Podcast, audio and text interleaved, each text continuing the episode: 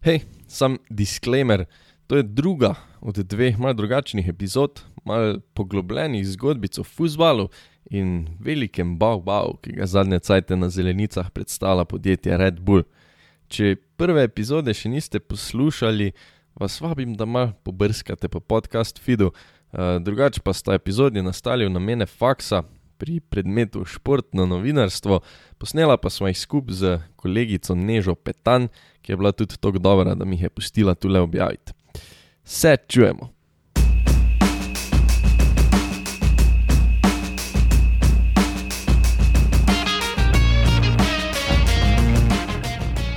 Leto 2005 je zaznamovalo vstop avstrijskega podjetja Red Bull na nogometni trg, ki je dobro desetletje kasneje prepreden z njegovim vplivom, na čelu z moštvom iz Leipziga, ki po astronomskem usponu kroji vrh nemške Bundeslige. Od pete lige do polfinala lige prvakov v desetih letih. A pot se je začela južneje, v domovini ko so leta 2005 prevzeli Salzburško Avstrijo in 70-letno tradicijo kluba oblekli v novo ime, nov grb in nove barve. Z uradno razglasitvijo, da je klub nastal leta 2005, so na žulj stopili tudi Avstrijski nogometni zvezi, ki je posegla v Red Bullove posle in jih prisilila v priznanje zgodovine, ki jo je Avstrija pisala do prevzema. In tako si je izdelovalec energijskih pijač ustvaril ime v nogometnih vodah ime, ki je konotirano na agresivne prevzeme in spreminjanje strukture ter zgodovine kluba, ime, ki ga navijači šokantno ne podpirajo.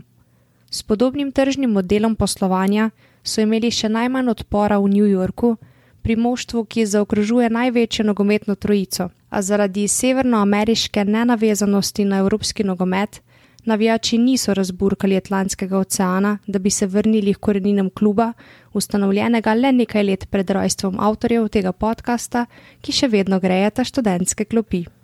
Glede na vzpon prevzetih klubov, bi težko rekli, da jim Red Bull dela izrazito škodo. Rdeči biki iz Salzburga so od prevzema v ligi končali najslabši kot drugi in že 12krat osvojili domače prvenstvo, letos že osmič zapored. Prevzema so pokal prvako dvignili le trikrat od ustanovitve. In čeprav je srebrnine pri Leipzigu precej manj, je njihov spon še bolj impresiven. Leta 2009 so pri Red Bullu za 400 tisoč evrov odkupili nogometno igralno licenco kluba SSV Markranstadt. V sedmih letih iz pete nemške lige napredovali v Bundesligo in že prvo sezono zasedli drugo mesto, ki odzvanja himno lige prvakov. Vstop na tamkajšnjo nogometno sceno so želeli speljati že tri leta prej, a jim je Nemška nogometna zveza prevzem katerega od klubov onemogočila. Tako so se začeli križi in težave Red Bulla in nogometne tradicije države Oktoberfesta. Največje nasprotovanje je pričakovano deževalo strani navijačev, ki so ostro nastopili proti podjetju, ki želi z ekonomskimi agendami zrušiti trdno stoječe nemško načelo 50 plus 1. To pomeni, da večinsko privatno oziroma korporacijsko lastništvo ekip ni mogoče, saj mora biti 51 odstotkov volilnih delnic moštva v lasti njegovih članov, torej navijačev, ki članstvo zakupijo. Tako lahko posamezniki z tribun odločajo o pomembnih zadevah.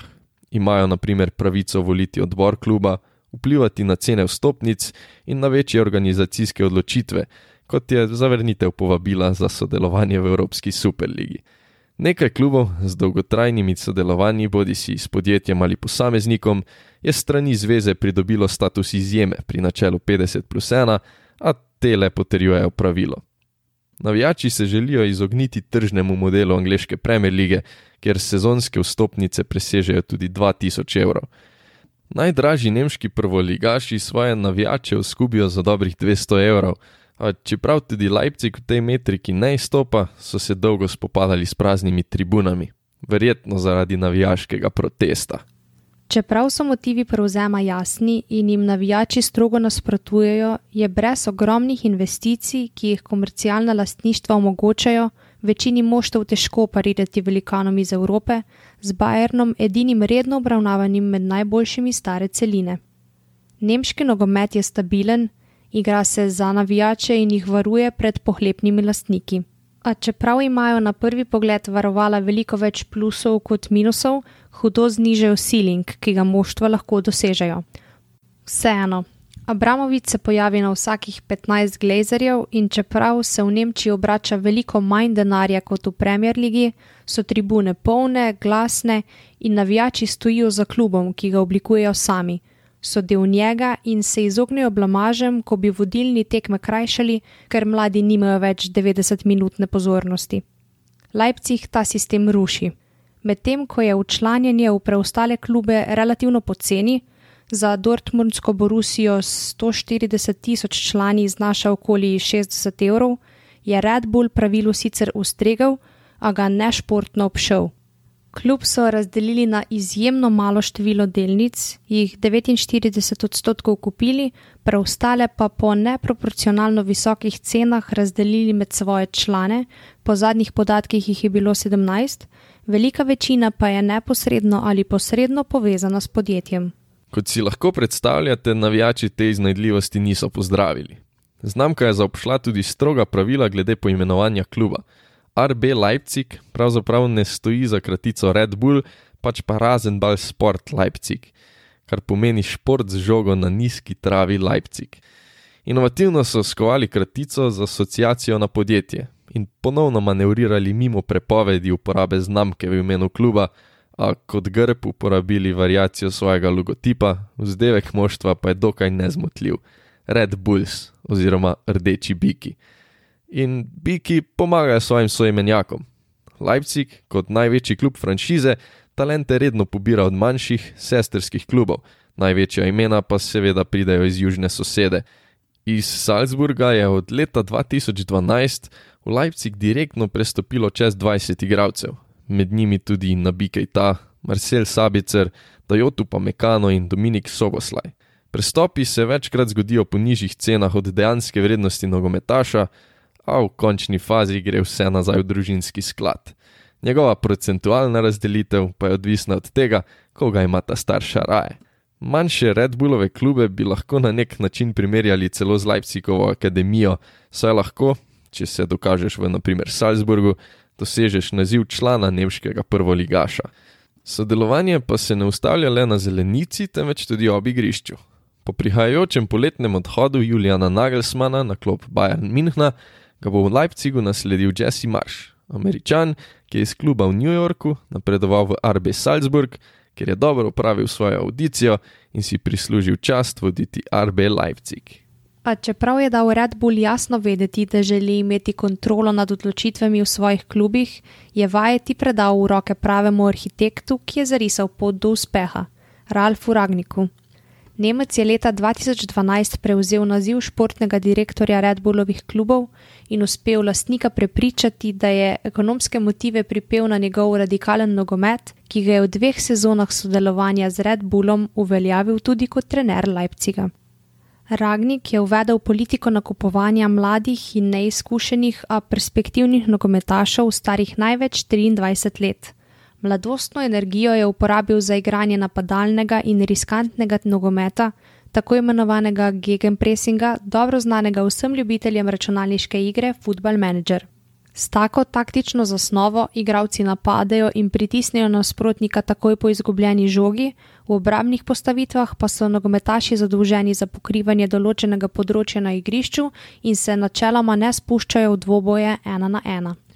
Ragnik je že leta 1998 javno predlagal sistem štirih namesto petih obrambnih igralcev in si v nogometnih krogih prislužil nadimek profesor glede na lastne izkušnje v šolstvu, imamo različne asociacije na ta naziv, a v Nemčevem primeru je bil mišljen izrazito negativno, njegovi kritiki pa so s tem le izpostavljali njegovo teoretsko podkovanost, ki naj ne bi delovala na nogometnih zelenicah.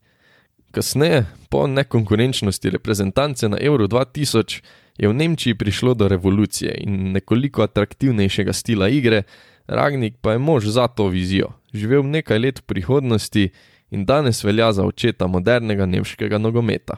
To vizijo, svoj razvojni projekt, je leta 2012 pripel in navezal na slogan rdečih bikov: Red Bull ti da krila, ki so upada s stilom njegovega nogometa. S svojo atraktivnostjo naj bi privlačil mlade, ciljno občinstvo v lovu nad navdušenjem in vznemirjenjem.